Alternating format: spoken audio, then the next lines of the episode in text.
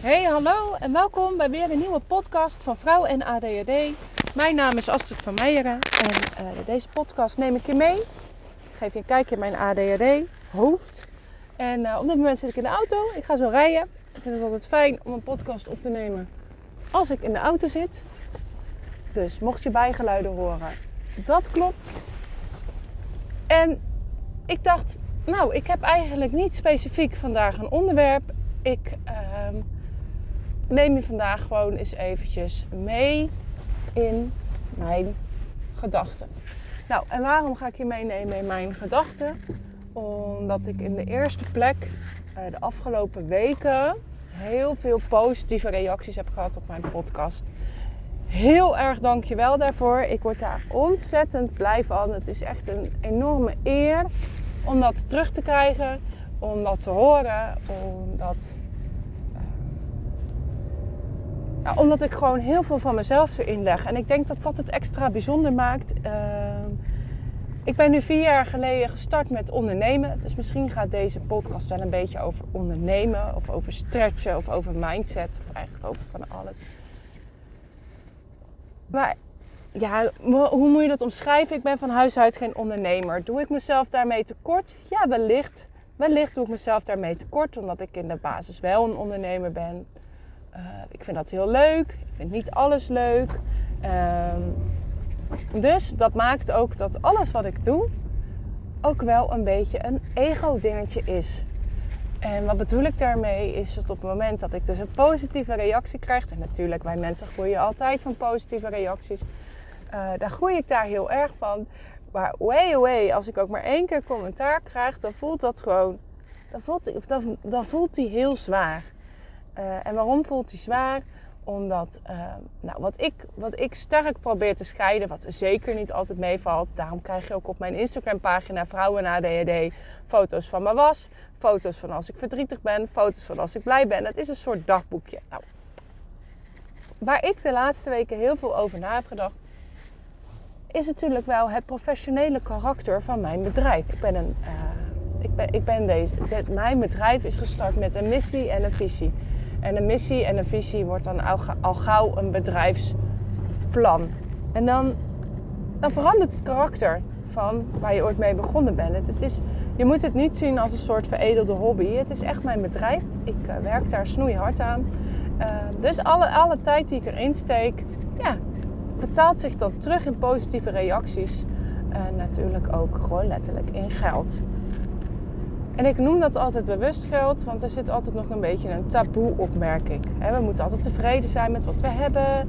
En dan denk ik, nou, als jij, als jij er hard voor werkt, mag je er ook voor beloond worden. Maar daar wilde ik het vandaag zeker niet over hebben.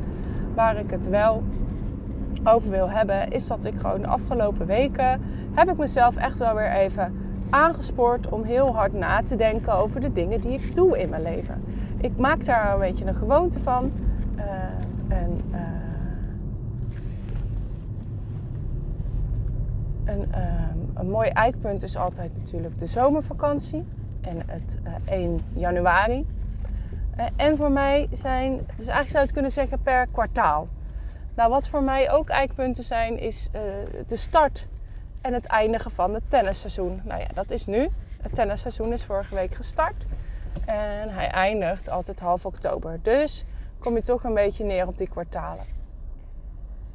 En wie mij een beetje kent en wie mijn programma Vind je Groot heeft gevolgd, die zal herkennen dat, ik, dat je me vaak hoort zeggen over je ideale weekplanning.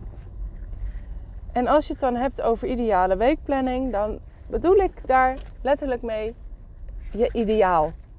Ik heb het er dus niet over hoe het er daadwerkelijk uitziet. Ik heb het er niet over hoe het er in theorie uitziet. Ik heb het over hoe het er idealiter zou mogen uitzien.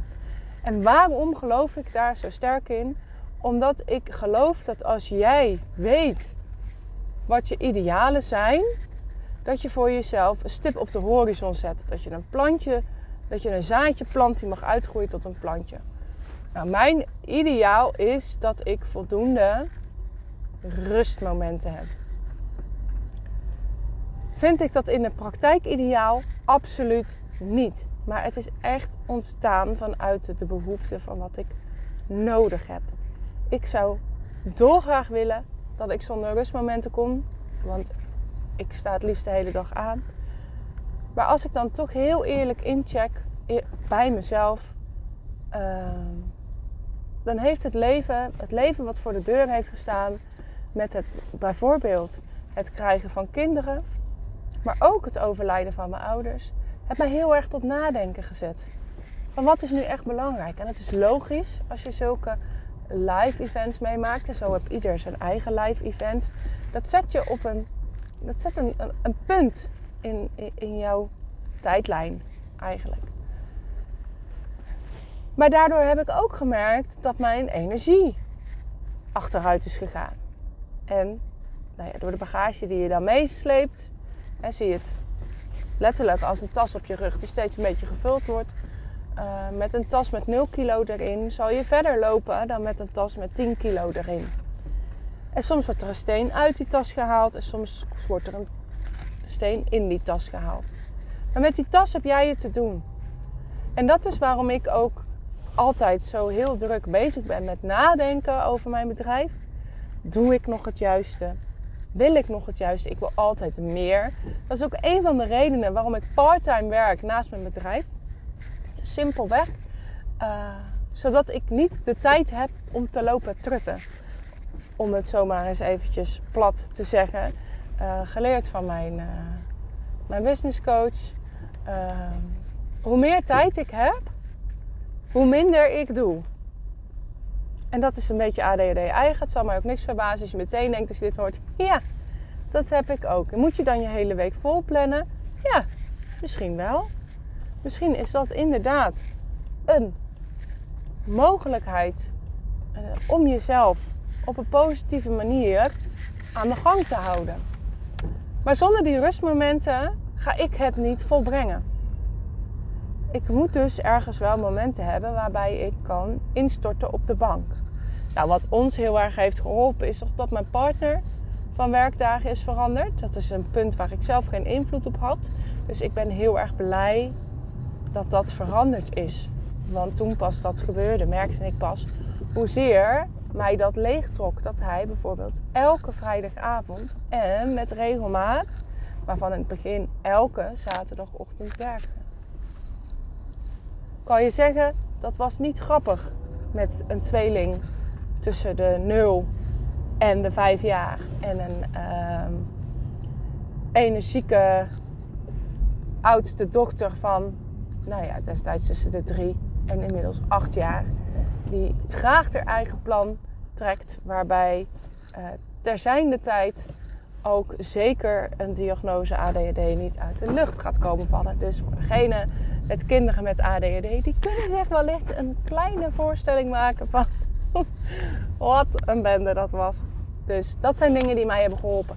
En dat heeft me, al die situaties hebben mij ook gebracht op mijn bedrijf, mijn missie, waarom ik dit doe. Uh, de drijfveren en ook bij mijn ideale weekplanning. Weet je, ik kan prachtige dingen verkopen. Ik kan zeggen: ik ga dit voor je oplossen en ik ga dat voor je oplossen. Ik zou je een wonderpil willen beloven. Ik zou je willen laten geloven dat als ik je 12 stappen geef, dat je nooit meer last hebt van je ADHD.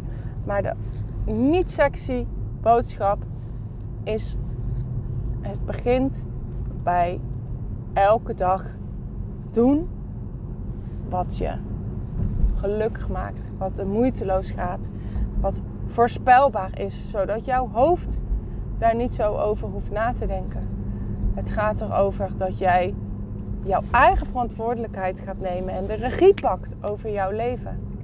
Dat is wat ik jou ook leer in mijn Vind je Goud. En het is niet een programma waarin ik je structuur en routine ga aanleren. Ik ga je daar echt leren door een andere bril te kijken. Want ik weet uit eigen ervaring dat door een andere bril kijken, en ik noem het dan mijn roze ADD-bril, dat het echt wel veel beter behapbaar wordt en leuker. Want laten we eerlijk zijn, als ADHD'er heb je ongelooflijk veel kwaliteiten.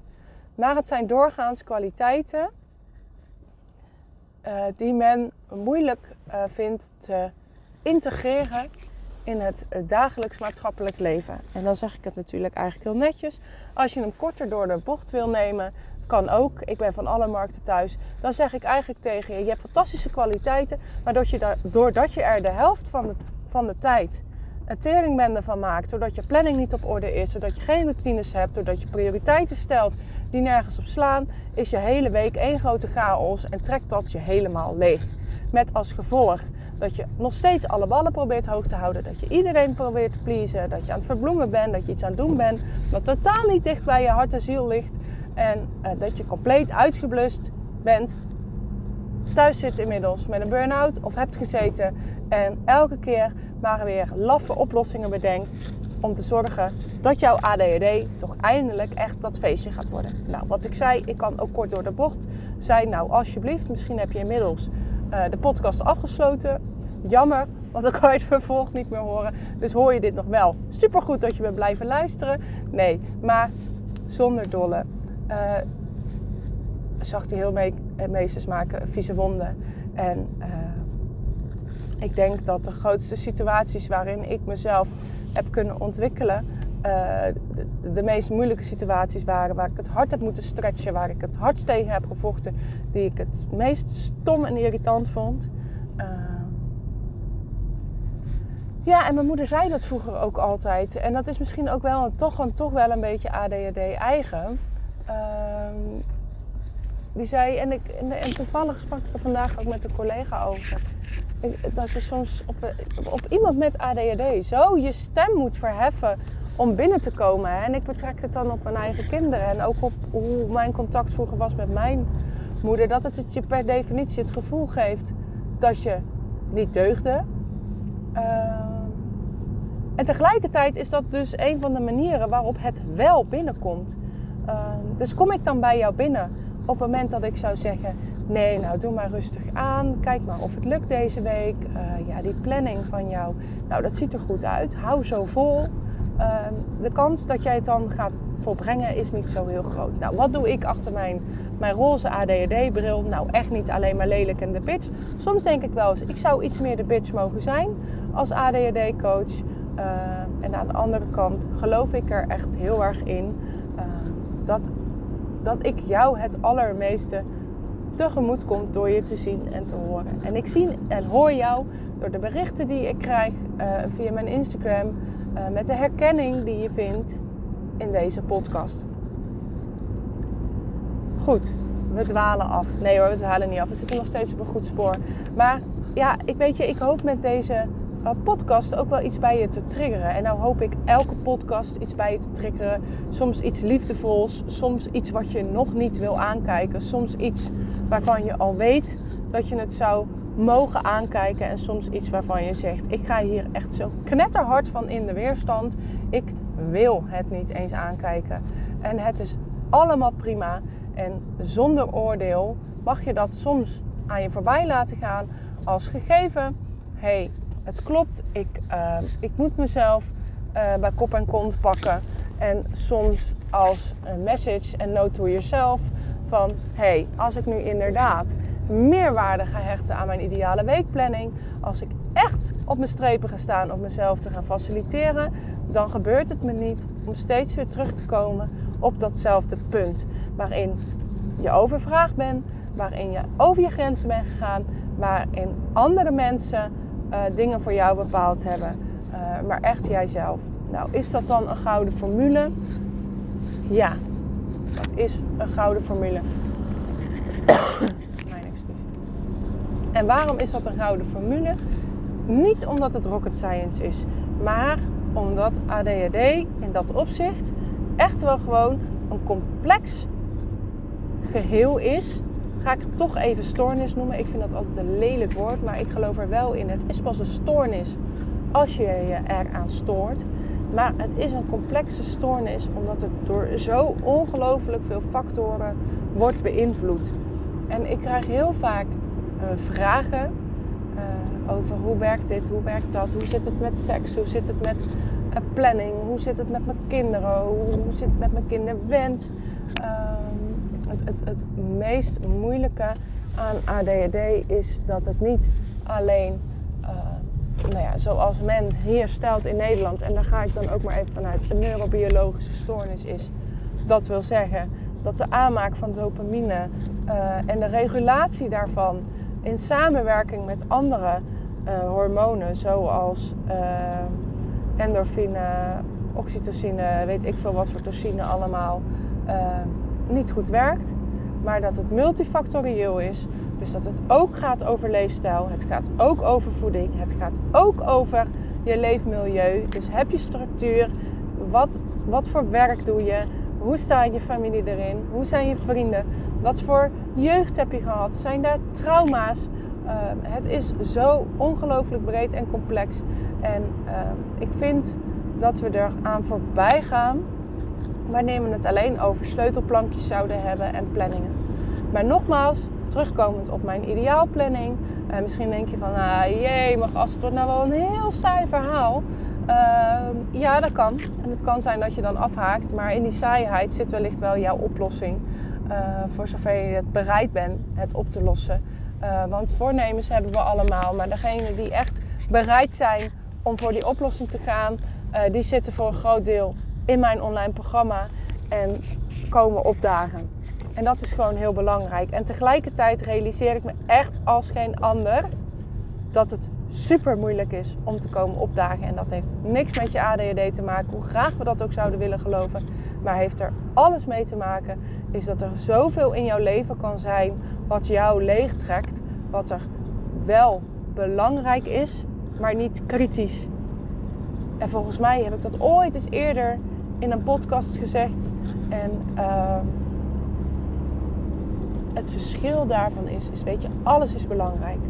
Je vrienden zijn belangrijk, je familie is belangrijk, je werk is belangrijk, je huis is belangrijk. Alles is belangrijk.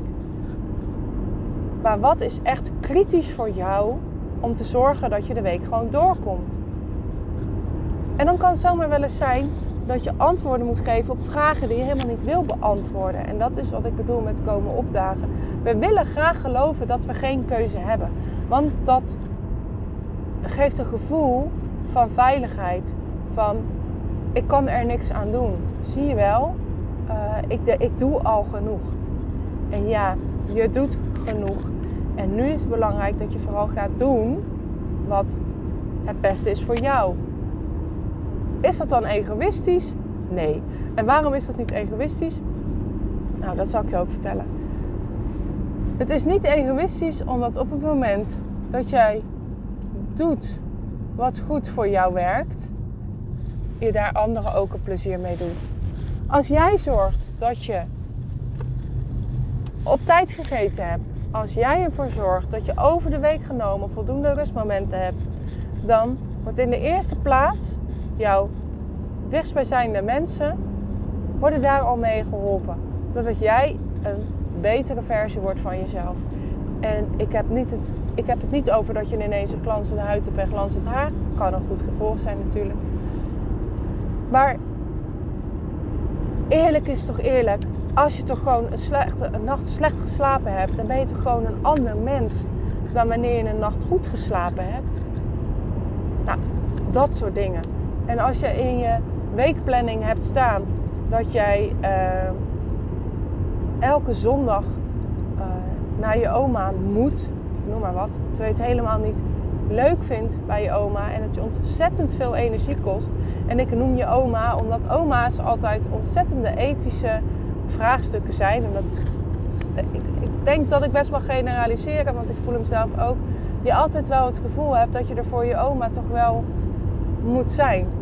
Tenzij je misschien een kring van een oma had. ik had twee hele lieve oma's.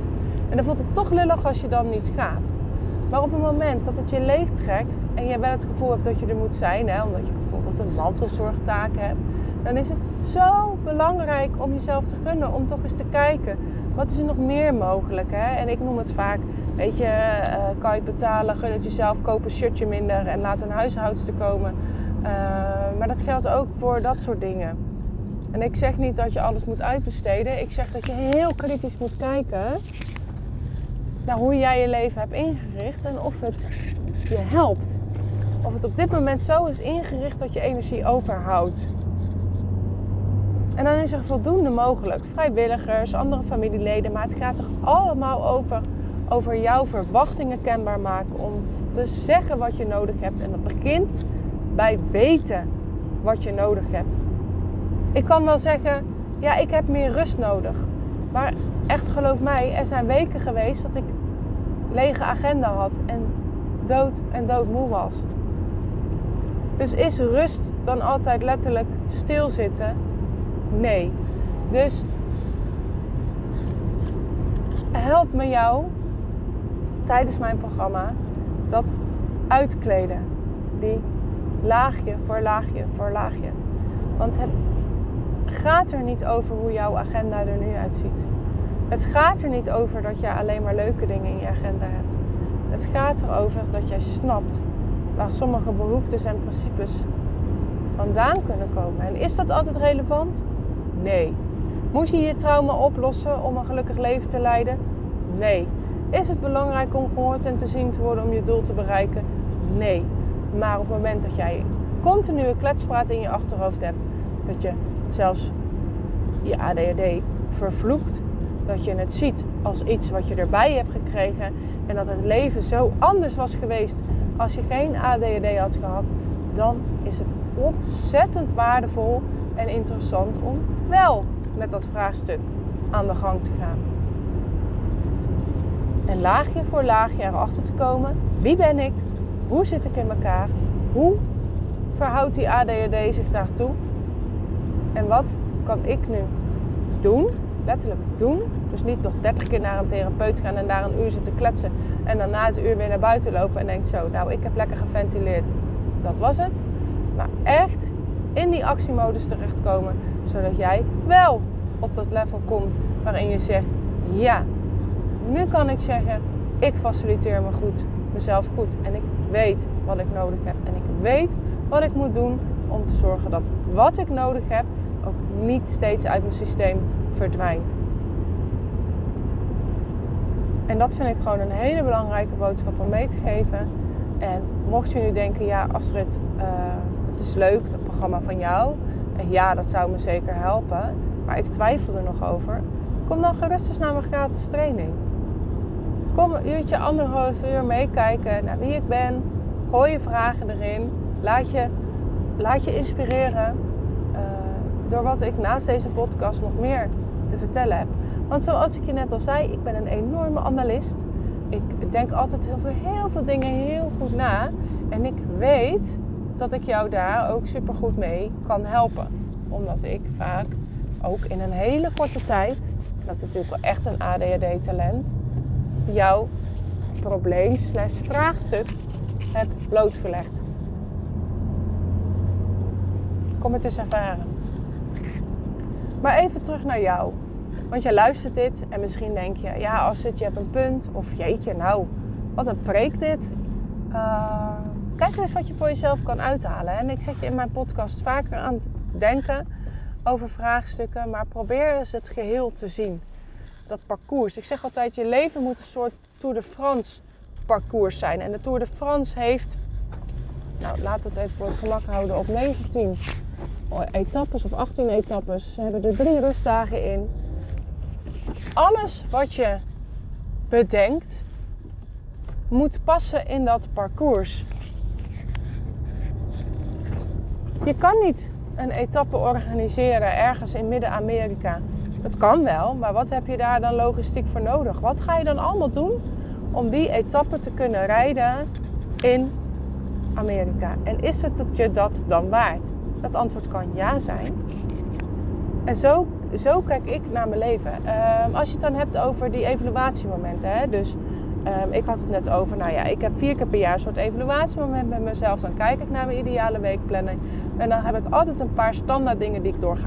Hoeveel eetmomenten per dag ik heb. Uh, wat mijn, mijn slaap- en rusttijden zijn.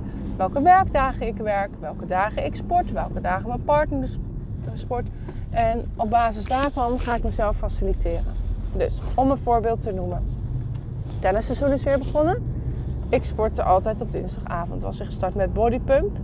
Ehm, nu is op dinsdagavond is er herenavond en mixavond. Dat is om de week.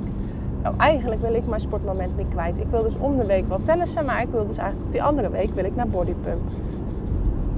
En natuurlijk is het geheel afhankelijk van wellicht jouw financiële situatie, maar misschien ligt de oplossing soms dichterbij dan je denkt. Een oud-tante, een buurvrouw, een, een, ehm, iemand van drie huizen verderop, uh, die heus wel even dat uurtje wil oppassen. Wat ik nu heb gezien, ik heb er alles ingezet wat ik idealiter zou willen doen. Dus ik wil op maandag en dinsdag werken, op maandagavond wandel ik een rondje, op dinsdagavond uh, wil ik dus sporten. Maar mijn partner gaat ook sporten. Is voor hem ook belangrijk. Uh, wil niet zeggen dat ik dan dus meteen uh, hoef te wijken. In mijn ideale weekplanning zet ik dus alles neer zoals ik het ideaal vind. Nou, ik wil eigenlijk om de week tennissen en de andere week wil ik dus naar de bodypump. ik wil op woensdagavond ga ik tennissen, want dat is mijn tennisles. Op vrijdagochtend wil ik tennissen, want het is mijn vrije ochtend. Ehm, en dan pas ga ik vullen.